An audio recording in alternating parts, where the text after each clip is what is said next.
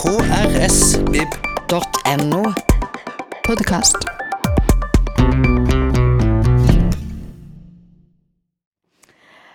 Ukens fredagsgjest kjenner vi som tidligere sjef for magasinet i Dagbladet, kulturredaktør i Dagbladet, kulturredaktør i NRK.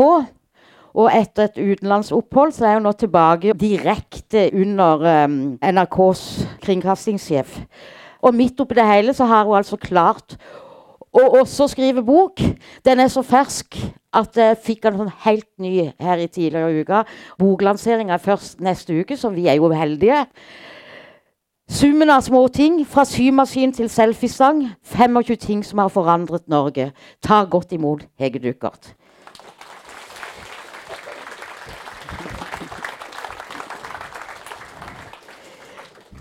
Ja, gratu gratulerer med bok. Ja, tusen takk. Det er som du sier, eh, den er så ny at jeg tror hvis vi selger en bok i dag, så er det den første boka. Ja, ja den er liksom ikke Det håper når vi kjøper den første boka. Ja, det, nå, Der kjenner ikke noe press nå. For vi, altså, vi, vi, går rett ned til døra og ser før den går ut, liksom, hvordan dette blir. Hvem som har bok i hånda. Ja da. Det er jo bare, den er ikke ute ordentlig før på tirsdag, tror jeg. Så det er derfor, Nei, det er det. Jeg, derfor er jeg litt oppkledd, da. Ja. Den kom jo til forlaget nå på mandag. Ja. Sånn at det, og det sånn de har, når jeg ringte, da, så hadde de ikke åpna kassa. De visste ingenting ennå. Liksom. Så det er ja, veldig gøy å ha deg her, da. veldig stas å få være her. Og tusen takk for at dere trosset været. Altså. Ja. Det var skikkelig humpetitten å lande, så jeg tenkte oi, kanskje det ikke kommer noen. Ja, ja nei, det er flott publikum her. Um, og dette handler altså om små ting. Ikke store, men små ting som mm. har preget vår historie. Og det handler om miljø og gjenbruk. vil jeg også si. Også det går, ja, det går som en rød tråd gjennom boka. Men bare spør først deg. Er du opptatt av ting? Ja, jeg er litt sånn pinlig mye opptatt av ting. Jeg har alltid vært litt sånn beskjemmet over det. fordi at uh, det er jo ikke premie for å være materialistisk orientert. Men jeg har, alltid, jeg har vært veldig opptatt av ting, nysgjerrig på ting. Eh, og når jeg går i museer, f.eks., så så har jeg alltid vært veldig festa meg ved de tingene som du vet noe om hvem som har brukt, og hvil, hvordan det har vært brukt, og hvilke mennesker som har brukt og hvilke historier som legger i tingene. Og det er jo ofte sånn at man syns at menneskelivene går så fort, mens tingene blir jo igjen etter oss. Og de har mm. ofte en historie om en tid, eh, og noen ganger noen dramatiske hendelser som jeg syns er spennende. Mm. Du nevner innledninga den uh, tyrkiske nobelprisvinneren uh, uh, Oran Pamuk, ja. som lagde et museum i Istanbul. Ja. Er det, er det, en inspirasjonskilde for deg til ja, den boka? Jeg, jeg syns det var veldig spennende. fordi at altså, Orhan Pamuk har, eh, han, han bor i Istanbul. Uh, og han har i mange år samlet hverdagsting, fordi han har en idé om at uh, det er hverdagstingene som har menneskelighet og sanger og historier i seg. Og at hovedproblemet med de store museene er at det er, de forteller om konger og kriger og store slag, mens egentlig så er liksom menneskehetens historie fortelles i det lille uh, vannglasset her, den lille boken her, de, de små tingene som utgjør hverdagen vår. Så han har samlet massevis av hverdagsgjenstander, gått på markeder og kjøpt og bygget opp et museum. Og så har han jo, fordi da han er en fantastisk forfatter, så har han jo også da skrevet en roman hvor alle disse mm. tingene er i. Så man, man kan gå gjennom det museet omtrent å lese boken mm. gjennom. Mm. Så det er et, et fantastisk prosjekt. Mm. Mm. Um, altså uh, som tittelen sier, så er jo da symaskinen det en av de tingene som er ja. med. Noe du kanskje sjøl også har et personlig forhold til. Du, det, det, er faktisk ikke inne i boka der du kom med, men også der i innledninga så er det snakk om din oldefar. Ja. Og du kan si at Rammen for denne boken er jo egentlig bare de siste 30 årene, så ja. man kan jo lure på hvorfor det er med en symaskin.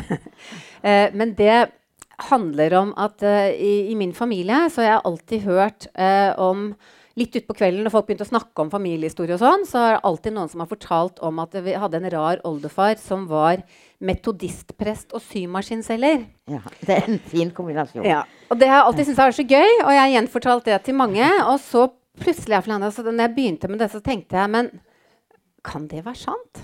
Vet du hvordan det er med familiehistorier? Det, er sånn, det blir legender, men man vet ikke helt om det er ordentlig sant. Og nå er det sånn at liksom, generasjonen over meg er, er, er, døde, så jeg måtte spørre liksom, kusiner og så, søsteren min og sånn kan, altså, Det er sant, det er ikke noe jeg har drømt. Liksom. Nei, de hadde også alltid hørt det. Og så begynte jeg å undersøke historien hans. Uh, han var altså en, en, ung maskintekniker som kom til Norge da han var 17 år i 1879. Mm, fra uh, København? Fra København. Min familie er, er hollandsk via Danmark. Eh, og, så, og jeg tror nok at jeg etter hvert har skjønt hva som drev ham. For det var veldig kort tid før han giftet seg med en ti år eldre kvinne i Kristiania, som har vært en liten uh, skandale. Han var 17 år. Eh, det er en, en, historie man kunne gått inn i en gang. Men det som fascinerte meg, var at fordi han da var pastor i Metodistkirken, så fantes det ganske mye opptegnelser om ham. Han skrev flere bøker. Han skrev mye om alkoholens forferdeligheter. Så uh, min yndlingsbok er den som heter 'Et uhyre'. uh, men det sto ingenting noe sted om den symaskinen. Eh, sånn at jeg nesten begynte å lure på om jeg hadde drømt det. Og så begynte jeg å prøve å rekonstruere hva var liksom en symaskin på slutten av 1800-tallet. Og så fikk jeg kontakt med Teknisk museum. Uh, og de gjorde to ting. Det ene var at de forklarte meg hvor kontroversiell oppfinnelsen av uh, en symaskin ja. var. Fordi at det var den første maskinen som skulle bedre kvinners kår. Helt mm. spesifikt. Mm. Og mange så på den som et angrep på altså både at kvinner skulle inn i industrien, og et angrep på eh, ro og orden i hjemmene, hvor kvinner satt liksom stille i stuen og sydde og broderte. ikke sant? Nå kunne du plutselig kjøpe symaskin. Ja, Og i det hele tatt skulle kvinner forholde seg til maskiner? Ja. Store, skumle maskiner. Mm. Kan man regne med at de kan betjene dem? Alt dette her. Eh, sånn at, eh, at, Derfor så var det nok kanskje ikke noe man skrøt av, og som man bare la lokk på når man, eh, gjennom hans historie. Så det på den ene siden. Eh, og, eh, eh, og ja, at, at, at, det var kontroversielt. Men jeg tror også at det å gjøre praktiske ting og, og konkrete objekter, det var liksom ikke noe fint i historien. Eh, sånn at, men jeg begynte i hvert fall da å få hjelp av Teknisk museum, og de klarte da til slutt å finne en annonse fra Stavanger Aftenblad, hvor min oldefar hadde, uh, hadde tilbudt sine tjenester som symaskinreparatør. Ja. Så nå vet jeg at jeg ikke har drømt det. og da skjønte jeg plutselig ja, han var jo maskinreparatør, selvfølgelig. Men, men der, det åndelige og det materielle Jeg synes det var så, så fint bilde på hvordan vi ser på historien. da, fordi at hele prestegjerningen hans supergodt dokumentert. Mm. Det han faktisk gjorde, han var hjemme hos folk, solgte reparerte symaskiner, så hvordan de levde. Helt tyst. Ja, og, eh, ja, og, og det var jo altså var det nytt å selge en såpass dyr maskin sånn når man ja. var rundt? Det tror jeg jo, for en av, en av, de nye tingene som kom med symaskinen på, ja. på slutten av 1800-tallet, var jo dette at de solgte den på avbetaling. Ja. Så du fikk et langvarig kundeforhold. Og, og tillit. Uh, du måtte vel ligge ja. tillit. Ja, Singer, som var den store amerikanske produsenten, de oppfordret til å lage symaskinklubber. Så man kunne spleise på en symaskin og bruke den når den trengtes. Så dette er jo helt fantastisk historie, men det hører jo liksom for så vidt da forrige århundre til. Uh, men, men grunnen til at jeg var opptatt av de tingene der òg, er at det var jo akkurat på slutten av 1800-tallet. Da kom alle de tingene som egentlig har formet oss i dag. Da kom mm. kamera, da kom mm. bilen. Da mm. kom alle disse tingene som har lagt grunnlag for vår tid. da. Ja. Så jeg syns det var fint å ha med en, en, tråd tilbake dit, selv om boken har et mye kortere perspektiv, egentlig. Ja, eh, men også du sjøl har jo også et forhold til altså, Du har du sjøl lagd en nålepud på håndarbeiden ja. som din mor satt med. Det tror jeg dessverre var det aller fineste jeg lagde, og det eneste som lot seg bruke. Jeg, er sånn som, jeg husker ennå å strikke sånne kjempestore gensere med sånne pipestilkarmer som jo ikke passet til noen andre enn bamsen min. Så um, mitt, jeg har aldri vært kjent for mitt gode håndarbeidsteknikk. og så har vel du med mange sånn etter hvert tenkt at symaskinen nesten er utdøende sånn for uh, oss folk ja. flest. Ja. At ikke den fins i hjemmene våre. Ja. Og så er det, det man kan si om symaskinen, sånn sett, er at det som egentlig er helt fascinerende, er at den gjør Den er veldig lik, bortsett fra at den ikke har hånddrevet hjul, den har fått stikkontakt ikke sant? Mm. og har ikke løvføtter med. Men symaskinen gjør akkurat det samme egentlig i dag som den gjorde for 130 år siden. Men nå er den jo kommet til heder og verdighet igjen. Ja. Og det var derfor det var så morsomt for meg å, å starte med oldefaren min og slutte med en moderne symaskin, fordi etter at vi har fått så mange ting som vi har fått, mm. og har så mange klær som vi har, mm. så må vi jo finne måter å ikke kaste det på. Vi må finne måter på å resirkulere det på og bruke det på nytt. Mm. Så Derfor så lette jeg etter en historie som skulle avslutte boken, som handlet om om det perspektivet. da, At selv om vi er neddynget av ting, så går det an å resirkulere dem, lage dem på nytt, lage, kanskje lage kunst av dem. Få dem til å leve i fremtiden. Sånn at det er litt håp om at uh, det ikke bare skal være stappfulle loft etter oss, men at det også skal være en bevissthet om hva tingene kan brukes Og til. som du også sier, at, altså, før så hadde man mye mindre. Nå leier vi minilagre, for vi har Ja. ja. altfor mye. Ja. Og derfor så Det er faktisk faktisk en vekstbransje i Norge, visste du det? Nei, ja, De det- minilagerne, de øker. Fordi vi har, vi har fulle hus, vi har fulle loft, vi har full garasje. Ja, ja jeg ser på Fredrik Vandrup, jeg òg. Eh, eh, ja. Trenger du et minilager? For vi har vel tilfeldigvis noe lager med bøker i. Ja. Men nok om det. Du fant en, uh, en, en moderne eh, historie, og det var altså Jenny Skavlan. Ja. Eh, som også hadde et sterkt forhold til symaskinen allerede i barndommen. Ja. Jenny Skavlan har jo noe av det samme forholdet som jeg har til det, fordi at symaskinen har spilt en rolle i, i flere generasjoner av hennes familie. For hun Ja. kommer fra en sånn tekstilfamilie. Med en mor som er tekstilkunstner, og en far som var teatermaler. Oldefar som var eh, teatermaler, bestefar som var teatermaler. Ja, Så hun har også det forholdet til det. Men alle ting var det liksom ikke de som kom til stoff, med stoff som hun kunne bruke til eh, symaskinen sin. Nei, Jenny Skavlan har jo også en uh, far som heter Jørgen Skavlan, som i hvert fall lenge var Oslos mest, uh, altså, me mest populære fastlege. Og han på, eh, virker på Oslo S, og der, etter at det ble kjent at familien hans var glad i stoffer, så kom jo alle pasientene hans med stoff fra loftet. så Jenny Skavlan har vokst opp med at stoff er noe man liksom bare har overalt og kan leke med. Eh, eh, så hun har et veldig forhold til dette med dødsbo og gjenbruk og lage nye ting. Og har en, en veldig sånn fin holdning til det, og har da også fått lov å romstere i de mest fantastiske loft- og loftsboder. Eh, um, I denne historien så møter vi med Jenny Skavlan og symaskin, så møter Lolland Hvem var det? Ja. I det siste kapitlet, da, som handler om Jenny Skavlan og symaskinen hennes, så er det egentlig en historie inni en historie som jeg kom over da jeg traff Jenny Skavlan. Og det er en historie om en dame fra Askim som eh, på tidlig på 50-tallet Hun hadde en sånn enorm lengsel og drøm om Amerika. Så hun meldte seg på en eh, konkurranse i et magasin som het Miss Magazine om å få lov å reise til USA. Og så vant hun. Så hun og moren hennes fikk lov å reise til eh, USA. og Hun ville til Det hvite hus, og hun traff eh, daværende president Nixon. Og påstår at hun nesten ble forført av Frank Sinatra. Og hadde en fantastisk tur. Eh, og eh, giftet seg med en kjevekirurg fra Chicago og ble værende i USA.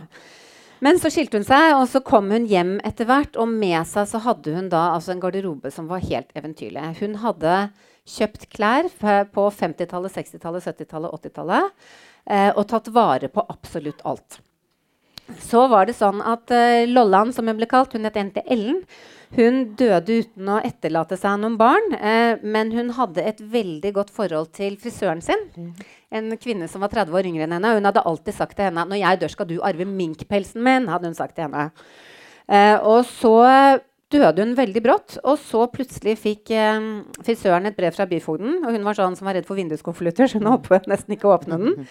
Og da fant hun ut at hun hadde arvet alle Lollands klær. Og det var altså eh, en stappfull leilighet og kjellerbod på kjellerbod. Og ikke sånn som kanskje noen av oss har det, at du stapper inn noen poser. De hang sirlig i sånne klesposer og var liksom logget og fine. Så hun ante jo ikke hva hun skulle gjøre med dette. Hun fikk jo helt panikk. Altså, hun trodde hun skulle hente en minkhatt. så Ja. da tok hun kontakt med Jenny Skavlan. Ja, så det er derfor dette er blitt Jenny Skavlans historie. Og hun driver jo med så mye redesignerprosjekter, så hun bestemte seg for å gi hele denne garderoben til en videregående skole i Oslo som har en sømlinje. Hvor de lagde et fantastisk kunstprosjekt ut av det. En motevisning. Sånn at alle disse periodeklærne ble sydd om av 16-åringer og laget til en fantastisk motevisning. Og jeg syns det er så fint sånn bilde på at gjennom det så var jo ikke bare det at hun, man brukte, gjenbrukte hennes stoffer, men historien om Lolland lever gjennom en haug med 16-åringer. Og det sier noen ting om at, at uten å vite hvem hun var, og vite om Nixon og Frank Sinatra og kjevekirurgen fra Chicago, så var det bare gammelt tøy. Men fordi at de fikk hele historien hennes, så lagde de en hyllest til henne som gjorde at tingene hennes fikk nytt liv. Da, og at tingene fortalte hennes historie. Og det syns jeg var en utrolig fin avrunding. Og sannsynligvis der eh, en bevisstgjøring av gjenbruk, at man kan skape vakre ting Ja. blant disse 16-åringene. Så det, det er så mange dimensjoner på dette. Veldig, En ja. vakker historie. Uh, men så, så er det sånn at egentlig så starter boka di i 1986. Ja. Og der skjer det jo et par det, Du har tatt med et par hendelser her. Og, og det som er jo viktig i Norges historie, er altså regjeringa som ble danna da. Ja. Mm. Ja, I mai 1986 så dannet uh, Gro Harlem Brundtland sin andre regjering, men det var den første hun hadde satt sammen selv. For første gang hun ble statsminister i 81, som hun var veldig kort, så overtok hun fordi Oddvar Nordli var syk, og arvet på en måte hans regjering. Og da hun skulle sette sammen regjeringen sin, så var jo dette altså i 86, hvor hun hadde vært med på hele kvinnebevegelsen gjennom 70-tallet og hele bevisstheten om at antall kvinner i viktige posisjoner teller. Så hun hadde bestemt seg for at i denne regjeringen så skal det være minst 40% kvinner, eller nesten like mange. Altså var 8 av 18 eh, som var kvinner. Og det var helt Det var en revolusjon. Det hadde aldri skjedd før i noe annet land. Eh, at dette skulle skje. Eh, og, eh, så hun, hun hadde jo en forventning til at dette ville skape historie og vekke oppsikt. Mens eh, det jeg har prøvd å fortelle den, Dette er en velkjent historie, men jeg har prøvd å fortelle den historien gjennom det bildet som jeg så av det bildet av kvinneregjeringen, som sikkert alle dere også har sett veldig veldig mange ganger. Det er, det er en liten stripe av det her. Men det jeg ikke hadde sett, når jeg har sett det bildet så mange ganger, det var at Gro Harlem Brundtland ble statsminister i Norge i høyhælte rosa sko. og det syns jeg var helt fantastisk. Og så tenkte jeg, og Gro, da. Liksom den, altså, den utrolig sånn streite, tøffe, rett frem, no nonsense-dama som hadde kort hår og uh, liksom veldig opptatt av uh, å være effektiv. Ja. Hun hadde kjøpt seg et par rosa sko til den dagen. Ja, og du, du setter det jo inn i sammenheng med å snakke om føttene eh, i en feministisk tradisjon der man Ja. har hatt blåstrømper og rødstrømper. Ja. Og så kommer hun altså her. Ja. Hun hadde en mann som hadde strøket Strøk i skjorten hennes. Hun hadde en strykemester hjemme. Ja, Ja. var heldig der. ja. Um, uh, så eh, på bildet Altså, hun hadde jo da bestemt seg for å ta oppvasken etter Willoch. Og, og står der i front med disse kvinnene. Og uh, det er altså en um, filosof i Kyoto Jeg vet ikke om du husker sånne navnet? Nei, det gjør dessverre ikke. Ja. Tomi, Shunso Tomimoro Eller jeg vet ikke uh, hvordan det skal Men han syntes dette var meget interessant. Ja, Han syntes jo hele kvinneregjeringen var så fantastisk at Ja. han spurte om han kunne få reise en bauta over dem i Kyoto. Så alle disse kvinnene på Slottsparken den dagen de er liksom gjens, gjenskapt i en skulptur som jeg tror fremdeles står i Kyoto. Eh, og det sier jo bare noe om hvor, hvilken verdenssensasjon det var. Eh, og, eh, og mye er jo sagt og skrevet om kvinneregjeringen og hva den sto for, og hva det førte til av likestillingspolitikk og barnefamilier og fødselspermisjon og alt dette her. Men, men jeg syns også det var så interessant at når du plutselig blir kastet ut i en verden da, som er uvant, altså så alle disse kvinnene som plutselig skulle inn i regjeringskontorene, så ble jo de banale tingene som sko, som klær, som vesker, som hva man skulle ha på seg, hvordan man skulle gjøre ting, det ble et, noe man gjorde for første gang. Ja. Og gjennom de tingene, de tingene forteller veldig, veldig mye om hvordan de hadde det, og hva de møtte på. Ja, ja for eksempel altså de, ja, de, ut, de jobba mye i sine stillinger. Ja. Så skulle de f.eks. i en gallamiddag og Ja. måtte hive seg rundt og kjøpe Ja. kjole. Ja, og det tror jeg var allerede tre-fire dager etter at regjeringen var dannet, så var det statsbesøk fra Nederland. Alle måtte ut og kjøpe gallakjoler. Alle hadde liksom jobbet døgnet rundt og løp ut. eh, På den tiden, altså I 86 så var det liksom én kjolebutikk nær Stortinget. Det var en sånn kjolesalong som lå rett bak Stortinget.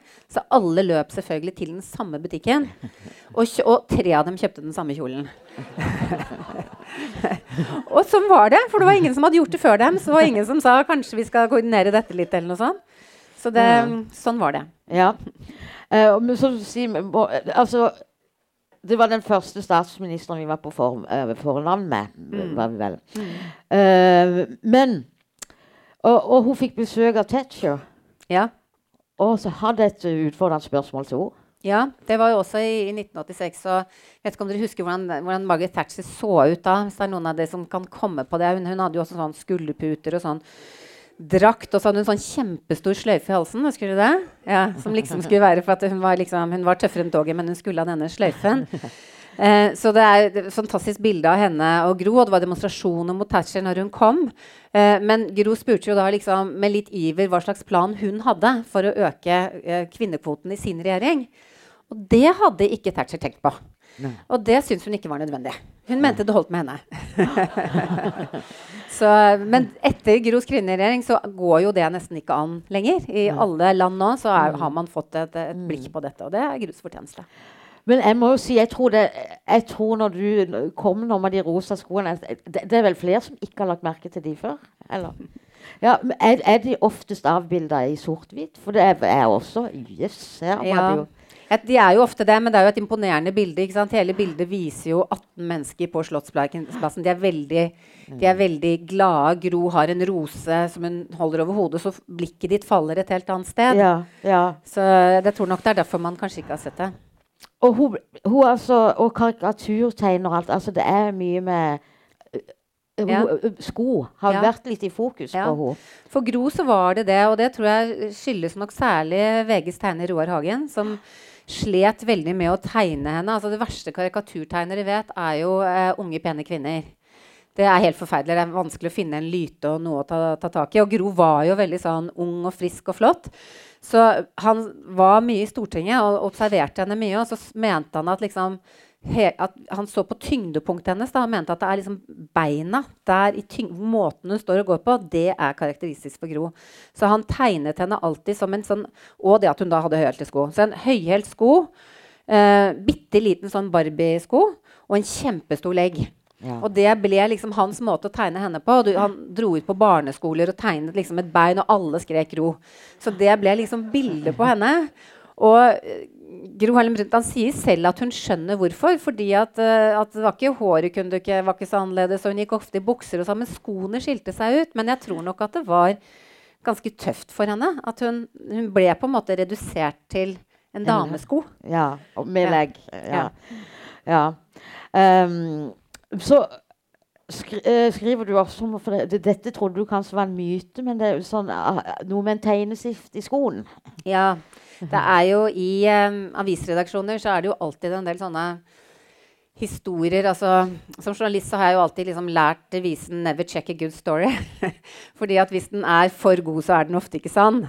Og en av de historiene som alltid verserte i, uh, i politiske redaksjoner, var at Gro uh, som Hun var jo veldig emosjonell. Hun var kjent for at hun ofte kunne bli tatt av følelsene. At hun alltid hadde en tegnestift i skoen for, som hun presset foten mot hvis hun, for å liksom, holde tårene unna.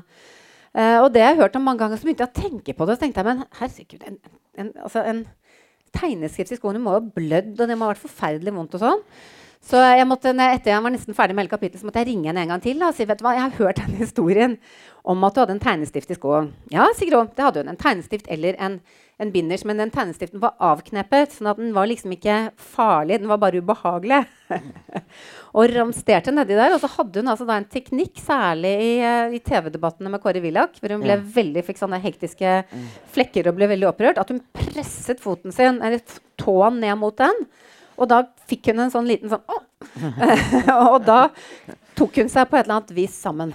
Ja. Ja. Det virka for henne. Jeg tror ikke det hadde virket for meg, men, eh, men eh, ja. Nei, det flytter konsentrasjonen, Ja. iallfall. Ja. Det Mm. var det. Kom tilbake til uh, rasjonaliteten, var det Ja. hun sa. Men spørsmålet er jo hvor er de rosa skoene nå? Ja.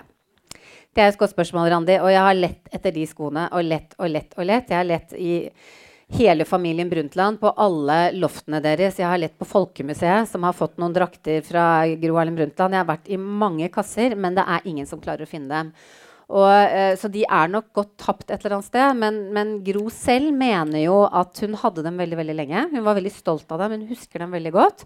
Og hun tror at hun har gitt dem til barnebarna eh, på et tidspunkt hvor hun selv var blitt for tung, sånn at liksom de hælene var, eh, var, var plagsomme så har jeg jo snakket med noen eh, litt beskjemmete barnebarn som er litt sånn hm, 'Kassen fra mormor, ja, hm, ja, hvor kan den ha vært, mon tro?' Eh, som ikke er helt sikre. Sånn at det, de er nok dessverre bare gått tapt. For jeg tenker jo at de, er, de kunne vært utstilt på museum. Mm, de kunne stått mm. i en liten sånn glassmonter. Mm. De rosa skoene. Som mm. fortalte denne historien. Symbolsk uh, utstilling. Ja. ja. det kunne de gjort. Uh, men sånn er det jo med nesten alle altså Det er ja. det som er det rare med små ting. De forsvinner. Ja. De har en tendens til å bli borte. Mm. Og det er det veldig mange av tingene i denne boken er bare blitt borte. Mm. For vi skal, forholde, skal, holde oss i 1986, og Norge skal arrangere Melodi Grand Prix. Ja. Det er ville tilstander i Bergen. Du er utsendt med flere Dagbladet-journalister. Og vi var et digert team. Ingenting skulle gå oss forbi. vi skulle få med oss alt som skjedde. Dette var jo da året etter at Bobby Socks hadde vunnet mm. Melodi Grand Prix, som vi kaller Eurovision, som det liksom heter, um, for første gang. Så det var jo ingen grenser for hvor stor denne forestillingen var. Det var Åse Kleveland husker du det, som, mm. var, um, som var vertinne på tre språk. Kongefamilien på første benk. Det var liksom et sirkus av uh, dimensjoner. Uh, jeg tror faktisk at jeg fikk første, en av de første førstesideoppslagene jeg har hatt i Dagbladet, fordi hun som da viste seg å vinne, som het en digresjon, men som het Sandra Kim, hun skulle på tur med Fløibanen, og akkurat den dagen så var det noe galt, så Fløibanen stoppet, og vi ble evakuert. Var, så det, det, fikk jeg førstesideoppslag på, at Sandra Kim nesten forulykket i Fløibanen. Uh, og jeg husker at jeg skrev at hun var førstemann ut av Fløibanen, men det tror jeg var en løgn, for jeg tror jeg var den første selv. tror jeg liksom. Litt klaustrofobi. Men det var ikke det jeg skulle fortelle. Så, men det, så, ja, det, jeg gjorde da Jeg satt uh, en hel uke innendørs i Grieghallen og hørte all, på, på prøvene på alle disse 20 melodiene som da var. Det høres ut som en utfordring. Eh. Det var en utfordring. Veldig vanskelig å sove om natten, for det bare gikk i sånne loops inni hodet på meg. Og så er jeg så fascinert at jeg husker ingen av dem. Ingen Nei. av de melodiene i dag. Men det jeg husker, ja. er at jeg så min første mobiltelefon. Ja. Fordi eh, Ketil Stokkan, som var Norges eh, Grand Prix-håp, han sang eh, Romeo. En fyr som var sjenert, men amorøs, tror jeg det går i refrenget. Han var sjenert, men amorøs. Ja. Eh, av type. eh, og fordi at vi var jo så høye altså, på oss selv i dette året. med Bobby Socks hadde vunnet, og vi trodde at liksom, den store musikkbransjen bare kom til å åpne seg for alle norske artister. Så han var klar for en internasjonal karriere og ble da sponset av Nokia den store mobilleverandøren da, mm. eh, som hadde gitt eh, ham tre mobiltelefoner som var så store. Ikke sant? Det var sånn man skulle montere i bilen. Det hadde bærehåndtak oppå. Så var det rør med liksom ledning på den ene siden og antenne, det som ble kalt pisk, på den andre siden. Og den var jo så tung at han kunne jo ikke bære den selv. Så jeg husker jo bare liksom Ketil Stokkan i den rosa dressen, altså med en sånn mann som så ut som en skygge som gikk sånn etter ham. Og bar mobiltelefon. Og nå skal det jo sies at Jeg kjeda meg litt inn i den der eh, Grieghallen-salen. Men jeg husker at vi, satt, vi lo altså så forferdelig av Ketil Stokkan, vi journalister. fordi at Hvem trodde han han var som måtte være tilgjengelig hele tiden? Ja. Det var det dummeste vi hadde hørt. Altså Kunne han ikke gå hjem og høre på telefonsvareren sin? Det der tipp topp moderne utstyret som vi alle hadde hjemme.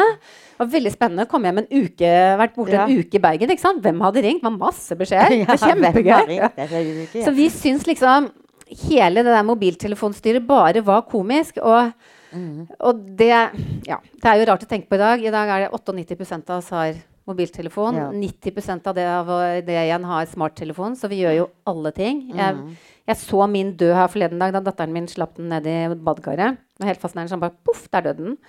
Men da kunne jeg ikke ta trikken, for jeg hadde månedskortet mitt ja. på mobiltelefonen. Ja. Ikke sant? Så det, man, man, blir jo Hvordan den har preget oss og endret hele livet vårt, ja. en sånn liten ting er, um, Og når jeg gikk til Jeg måtte ha lånemobil på jobben. Altså når jeg gikk ned på på service på- i NRK med den litt beskjemmet. ikke sant? Så før jeg skulle til, jeg skulle liksom til å si en unnskyldning, og så sa han mobilmannen bak døren bak disken han sa bare 'Hege, vi har sett alt'. Og Folk mister mobiltelefonen sin unevnelige steder. Ja. Ja. Men denne her uh, modellen til Kjetil Stokkan den veide jo altså 5,5 kilo. Ja. Uh, han sa, og så har du Men han hadde mobilkontakt. Ja.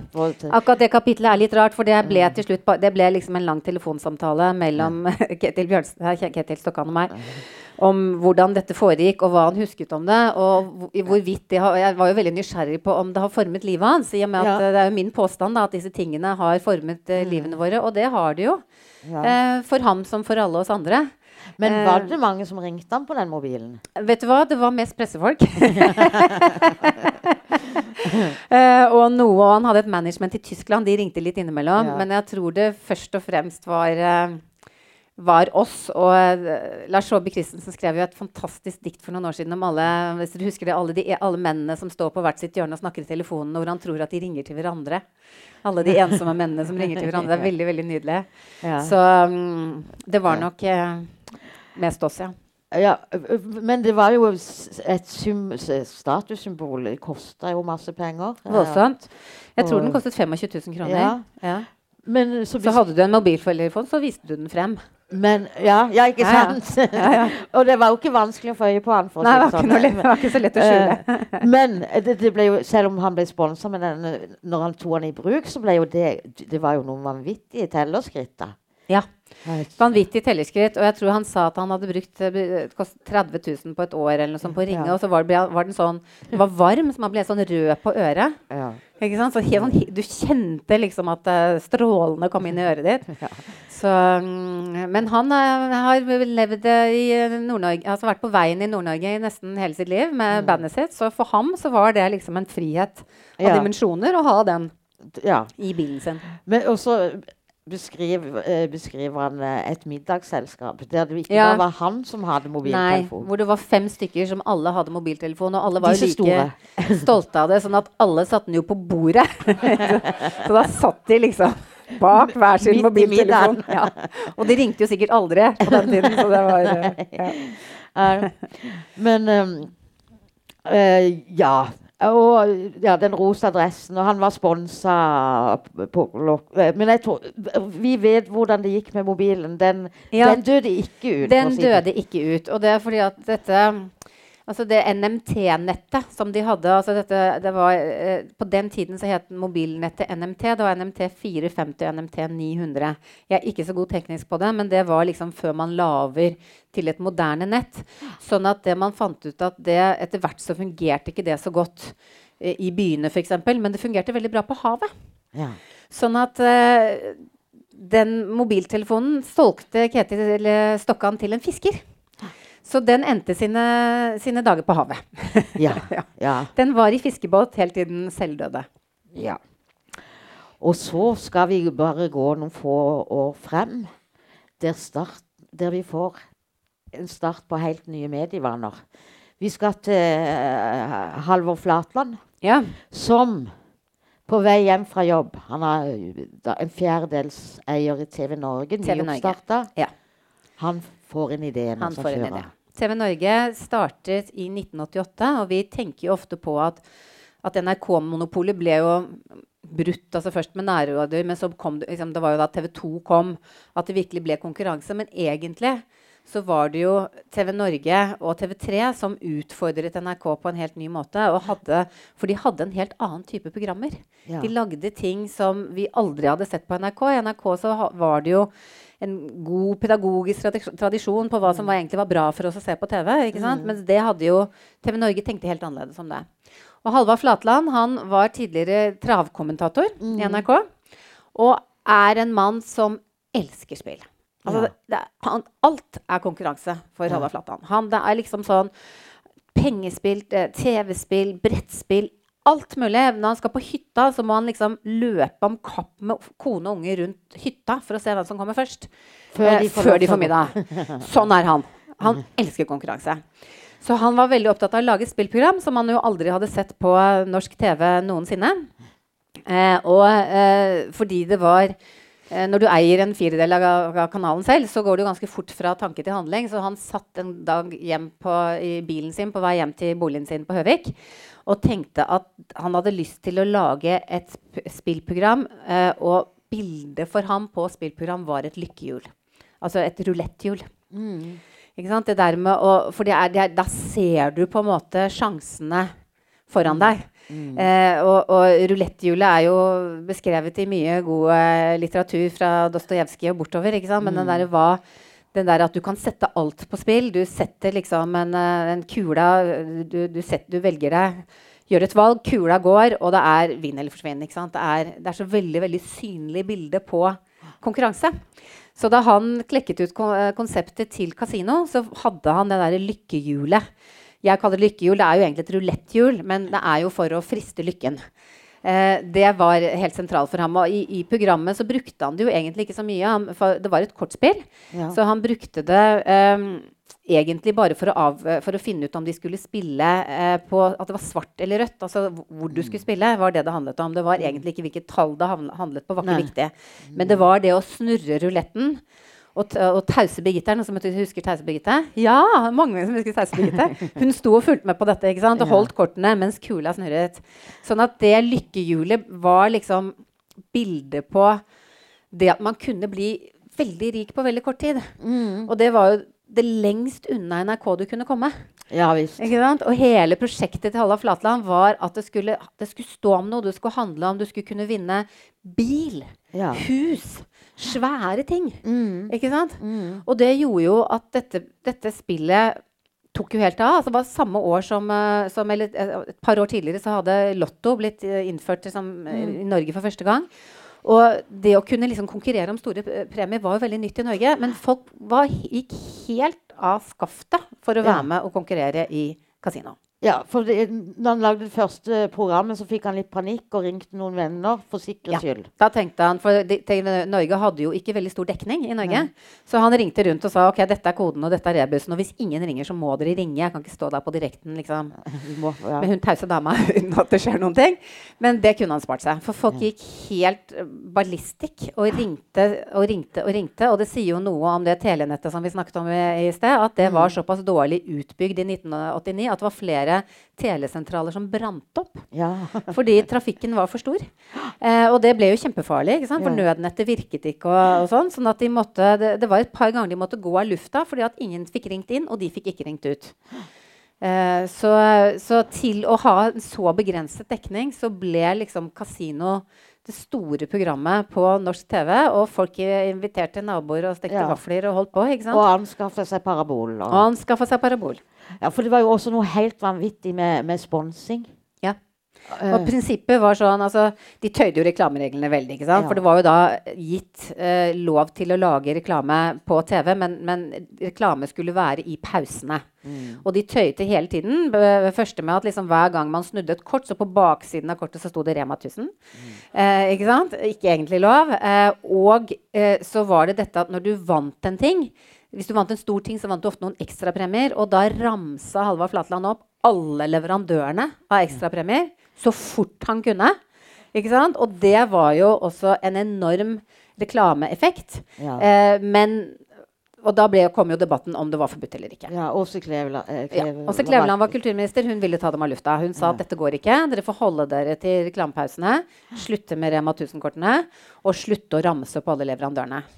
Men det var jo hele konseptet. var jo sånn at, at, de fikk jo inn så mye premier at uh, Han snakket jo så fort Flatland for å rekke å dele ut alle disse premiene. For de, hadde, de, fikk mye flere premier enn de kunne dele ut. For det var ikke Det, det hadde aldri skjedd før. ikke sant? Det var ikke en måte å gi ut alle disse Altså ja. få den type markedsføring på. da. Nei, Vant du hus, så ble det salong og ja. kjøkken og Garasje. Alt. Og, Grunnmur og ja, Helt vanvittig. Og, ja. um, altså 800 000 mennesker flokka seg rundt, og det var jo vanvittig i forhold til dekning. Ja. Ja. Um, ja 210 sendinger over fire år. Ja så ga han seg. Egentlig. Så ga han seg, og så var han litt på TV3. Ja. Eh, og så ga de seg, men da tror jeg egentlig tiden hadde tatt dem igjen. Da var det flere vinnespill, altså flere spillprogrammer på de andre kanalene. Men Eh, blir det noe nå? En ja, 30-årsjubileum? nå skal det jeg, altså jeg har jo hatt mye kontakt med Halvard Flatland fordi at det, det, var, det viste at det lykkehjulet var litt vanskelig å finne. Eh, enda så svært det er, eh, fordi at de har flytta så mye og vi lette etter det mye. Men, men nå skal han jo faktisk i gang med fire jubileumssendinger nå i høst på TV Norge. Og de har funnet lykkehjulet. Ja. Så det blir lykkehjul. ja. Og det blir pause, Birgitte. ja. Ja. Men han i bua har gitt seg. Det Ja. så jeg forleden dag. Ja. Haugen, i bu Haugen i bua. Ja. Ja, så skal vi altså, må vi gå litt videre over i 90-tallet og snakke litt om mat og drikke. ja. Og bl.a. fenomenet som oppsto med eh, at vi begynte å bære kaffebegre med oss rundt. Mm. Altså Kaffebrenneriet. Det var en av de første tingene jeg tenkte på da jeg, skulle, da jeg begynte på denne boken. var at Jeg, jeg lurte sånn på når altså Bare noen få år før kaffebrenneriene kom Hvis du hadde sagt til nordmenn at dere kommer til å betale dobbelt så mye for en kopp kaffe som du betaler vanligvis Du kommer til å få det i en pappkrus, og du, selv, og du kommer til å bære det med deg på bussen. Ikke sant? Så hadde vi jo trodd at folk var gale. Det var en sånn fremtidsvisjon som var helt sånn Men hvorfor det? Vi har jo kaffe hjemme, og det er kaffemaskin på jobben. Eh, og da det første kaffebrenneriet kom eh, som, som det, kom et på øst, eh, gamle Østbanen i Oslo. Som var som, som et Rooster, som var nokså kort. Og så kom det som ble den kjeden Kaffebrenneriet, som jo nå er over hele Norge. Som, og da de, det var en amerikaner som hadde da eh, opplevd eh, kaffetrenden, altså det, hatt den kaffetilbudet som man hadde i eh, San Francisco. Og grunnen til at altså Det er jo så fascinerende at vår kaffebartradisjon kommer ikke fra gamle kaffehus altså hus i Europa eller fra espressobarer i Italia. Det kommer egentlig fra USA. Og det skyldtes at kommersiell kaffe var så veldig veldig dårlig i USA. Det var ordentlig sånn uh, sokkesaft, som franskmennene kaller det. Eh, skikkelig dårlig kaffe. Pulverkaffe og veldig dårlig kaffe på supermarkedene. Sånn at det, det kom liksom da en en, en trend, selvfølgelig importert fra Europa og kanskje fra Østerrike og kaffehusene der, i, til USA, hvor man begynte å liksom lage, brygge ordentlig kaffe og lage egne brennerier. Men da han amerikaneren som heter Thomas Pulpan, da han kom til Oslo og fant seg en makker her og ville lage et lite kaffebrenneri, så, så fikk de ikke lån i banken. For Nei. folk syntes det virket som en helt tullete idé. Bare kaffe. Bare selge kaffe. Ja. Mm. Selge. Det syntes de var helt idiotisk. Så de måtte kjøpe lokalet Ja. for, for å åpne selv. De fikk ikke leie, Nei, de fikk ikke leie slett. Eh, um, så ble kaffen År 2000 Mette-Marit og kronprins Haakon blir avbilda. Ja. For de satt på, Det er et bilde av dem som jeg tror var dagen før forlovelsen ble annonsert. Du, og da, da hadde jo pressen fått tips om at det var noe på gang. Så det, det sto masse folk utenfor. Da bodde de i Ullevålsveien. Masse folk utenfor og, og, og eh, tok bilder av dem når de gikk ut. Og så skulle de gå en liten tur på Sankthanshaugen, men først gikk de innom en liten kaffebar som heter Java, som ligger på Sa- Sankthanshaugen, og kjøpte hver sin kopp. Eh, og eh, det viser seg at det var bare Mette-Marit som hadde kaffe. Håkon hadde vann. Men de hadde med seg den og gikk og satte seg på en benk på Sankthanshaugen. Det var en vane de hadde, og sikkert også trygt å ha noe i hånden når man ble så fotografert. Men det tror jeg kanskje var første gang og liksom vanlige nordmenn så noen gå rundt med pappbegre med kaffe. Og så noen gå innom en kaffebar. Ja. Så det ble et sånt boost. Og da var det dette rare ordet barista, som er eh, vedkommende som står og lager kaffen. Det ble kåret til årets nyord året etter. Fordi da plutselig så visste man hva en kaffebar var, og hva en barista var. Men den du fletter historien rundt, er jo Jo Nesbø, som Ja. tidlig i livet, altså som seksåring, eh, be- be- begynte med sukker um, Ja. i, i Han er en skikkelig kaffelasj. Altså, han er vokst opp med, med god kaffe hjemme, altså kokekaffe. Og så var han, da han var liten, så ble han sendt ut på gård. På, for å, altså, han bygutt fra Molde ble sendt på gård for å lære gårdslivets gleder da han var liten gutt. Og da når de hadde pause, så fikk han kaffe på skål. Noen som har drukket kaffe på skål? Ja, han gjorde kokekaffe på skål. Og det var ganske sterkt med litt melk i, da, men ganske sterkt for en liten gutt. Så da lærte de han at han skulle ha en liten sukkerbit i munnen, og så skulle han slurpe i seg den.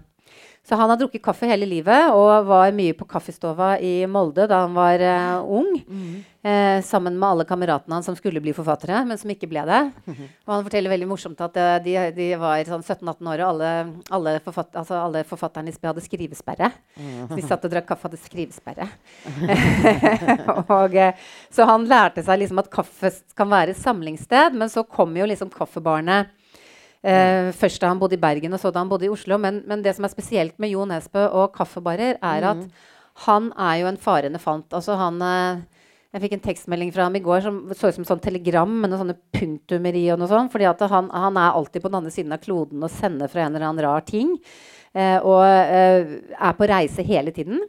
Men han har liksom alt, altså Fra kaffebrenneriet åpnet på Valkyrie plass, som er rett ved der hvor han bor i Oslo, så ble det hans faste arbeidssted. Mm. Så etter Rødstrupe, som vel er den tredje Harry Hole-boka, så har han skrevet alle bøkene om Harry Hole på kaffebar. Mm. Og det synes jeg er så fascinerende. Og det har sammenfalt med at det var mitt lokale kaffebrenneri. sånn at Mm. veldig ofte om morgenen når jeg eh, sto i kø, så så jeg ham. Enten så sto han foran meg, eller så veldig ofte han satt liksom på en fast bord innerst i lokalet med sånne store hodeklokker. Eh, og briller og var langt inne i laptopen sin og satt og skrev liksom Pønska ut måter å ta livet av folk på liksom, inne i kroken på kaffebrenneriet. Og det var kontortida hans. Der satt han og jobbet. Og det tenker jeg er også en sånn bilde på hvordan Norge altså en sånn ting som en kaffebar da, har endret Norge. Fordi at plutselig så var det det var et åpent landskap før vi begynte å snakke om åpne landskaper, men, men det er blitt et sånt fristed. Ja. Noen jobber der. Noen møtes der. Noen eh, har jobbintervjuer. Noen har jobbintervjuer der.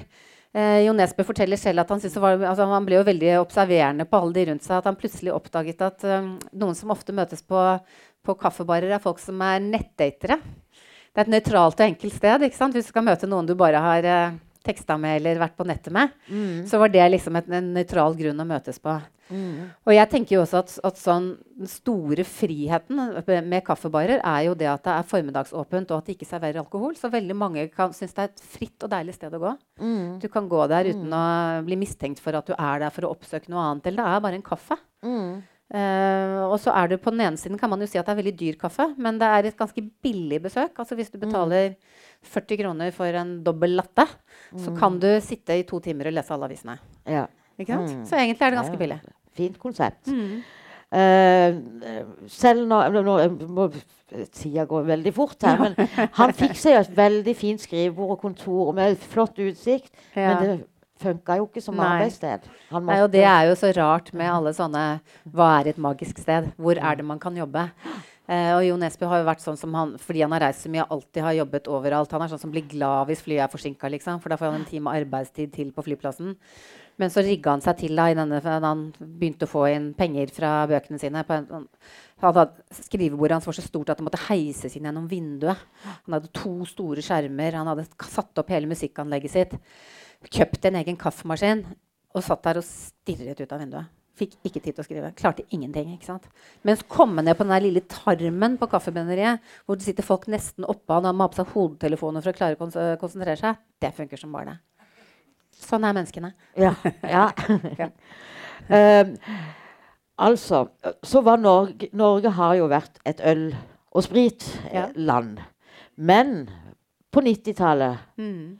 Så plutselig så kom vinen inn for alvor. Så Ja. det hadde jo Det var vel noe med pappvin og, og Ja. ting også. Ja. Men for, du har festa det på et menneske, og jeg ser jo at det er egentlig er veldig naturlig, det hvem du har valgt. Um, for um, Anne-Kat. Herland var på julebord. Anne-Kat. Herling var på julebord og eh, drakk eh, mye vin. Og eh, mange akevitt. og eh, dro hjem eh, og våknet lykkelig neste morgen og gjorde det hun pleide å gjøre, nemlig å ta bilen for å kjøre og, og kjøpe aviser. Og var nok eh, Jeg tror hun var full som en alke fremdeles. Så hun hadde veldig høy promille og kjørte inn i en parkert bil. Eh, og fikk helt nøya og kjørte inn i en parkert bil til. Og etter ti minutter så eh, ringte de fra VG og, og hadde fått med seg dette. Eh, så hun eh, og politiet kom, og hun eh, løste den situasjonen med å legge seg helt flatt og si at det er det dummeste jeg har gjort i mitt liv. Jeg tenkte meg ikke om, burde aldri gjort det. Fikk en promilledom eh, og sonet 90 dager i eh, Fredrikstad kvinnefengsel. Mm. Hun fikk et brev fra fengsel før når hun skulle inn. Ja, og det, er det, jeg, jeg syns det var så morsomt. For at hun, altså, før hun skulle da Det er jo sånn at det er soningskøer i Norge. Sånn at hun visste at hun skulle sone 90 dagers eh, fengselsstraff. Men eh, du får et brev på forhånd eh, hvor du blir innkalt til denne soningen. Og der sto det En av de første setningene var 'Slik kjører du for å komme til oss'.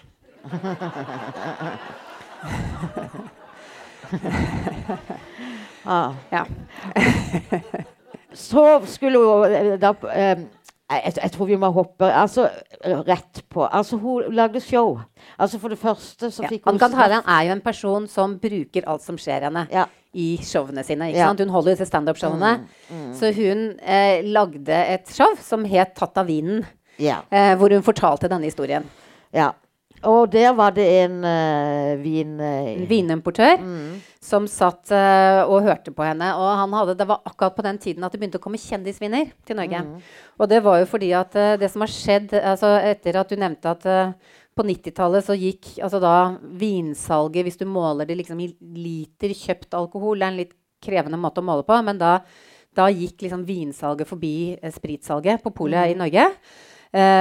Og hadde en, en kjempeoppgang i, eh, i vin, som bl.a. skyldtes liksom, nye reisevaner. eh, hvitvin, Vi solgte mye mer hvitvin, mye mer champagne. Folk begynte å liksom, ha andre typer vaner enn eh, enn før. Og så Samtidig med det så kom det mange flere vinimportører. Og da ble det jo eh, konkurranse da, om å komme inn i Polets hyller. Og en av måtene man da prøvde å vekke oppmerksomhet på, var ved at man lagde viner som var knyttet til folk. Jeg tror først, første som kom, var sånn kunstnerviner. Som var sånne Weidemann hadde, og flere som hadde malt sånne veldig vakre etiketter. Eh, og så begynte liksom den trenden med å komme litt, litt kjente navn eh, på viner begynte å komme til Norge. Og da satt han som et Geir Eikeland. Han hadde liksom lett etter en kjendis som han kunne bruke som det hadde en form for tilknytning til vin. Og så tror jeg han syntes det var så utrolig gøy at hun hadde fyllekjørt og var dømt for promillekjøring. Eh, og, og snakket om det på en sånn måte at han tenkte kanskje jeg skulle lagd vin sammen med henne. Og det, må jo vært, det er jo det rareste mennesket å velge til å fronte vinen din. Men han gjorde det. Ja. Og, men hun, da, da ville hun bestemme vinen sjøl, smake Ja. seg til. Ja. Og, og, så, mm, og så ville hun ha vitser nærmest på baksida. Ja. da. Eh, Hun sa at det var det hun ikke hadde sett noen gang. Eh, hun hadde ikke sett liksom, at man hadde brukt etiketten til noe annet enn det som var fint og flott.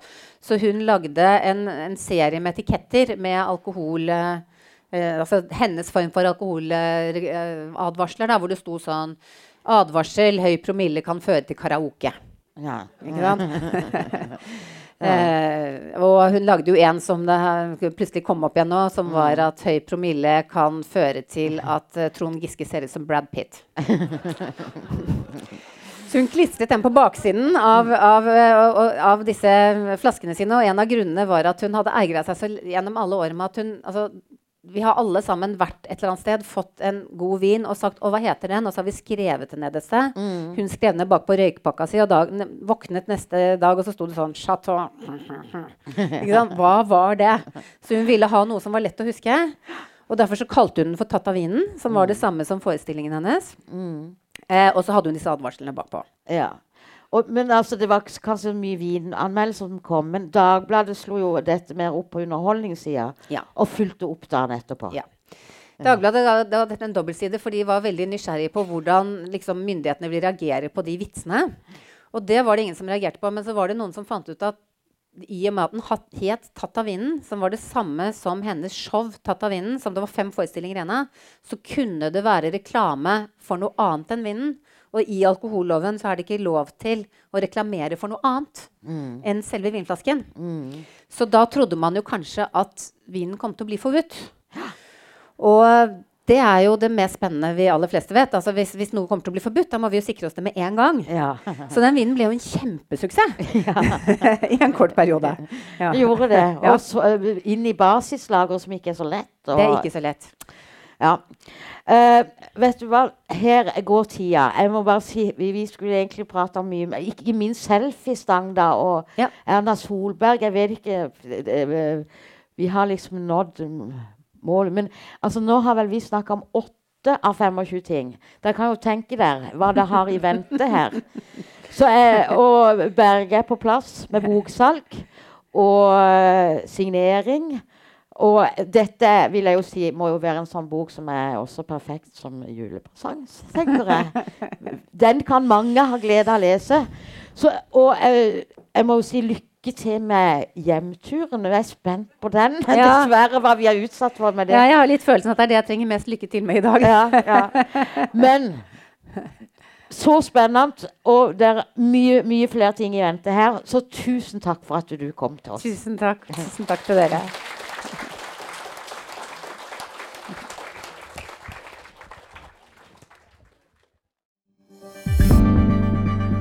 Flere podkaster fra oss finner du på Google Podkast, Apple Podkast eller iTunes, eller ved å stikke innom vår hjemmeside på krsbib.no.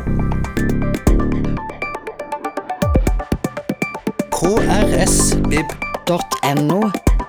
Podkast.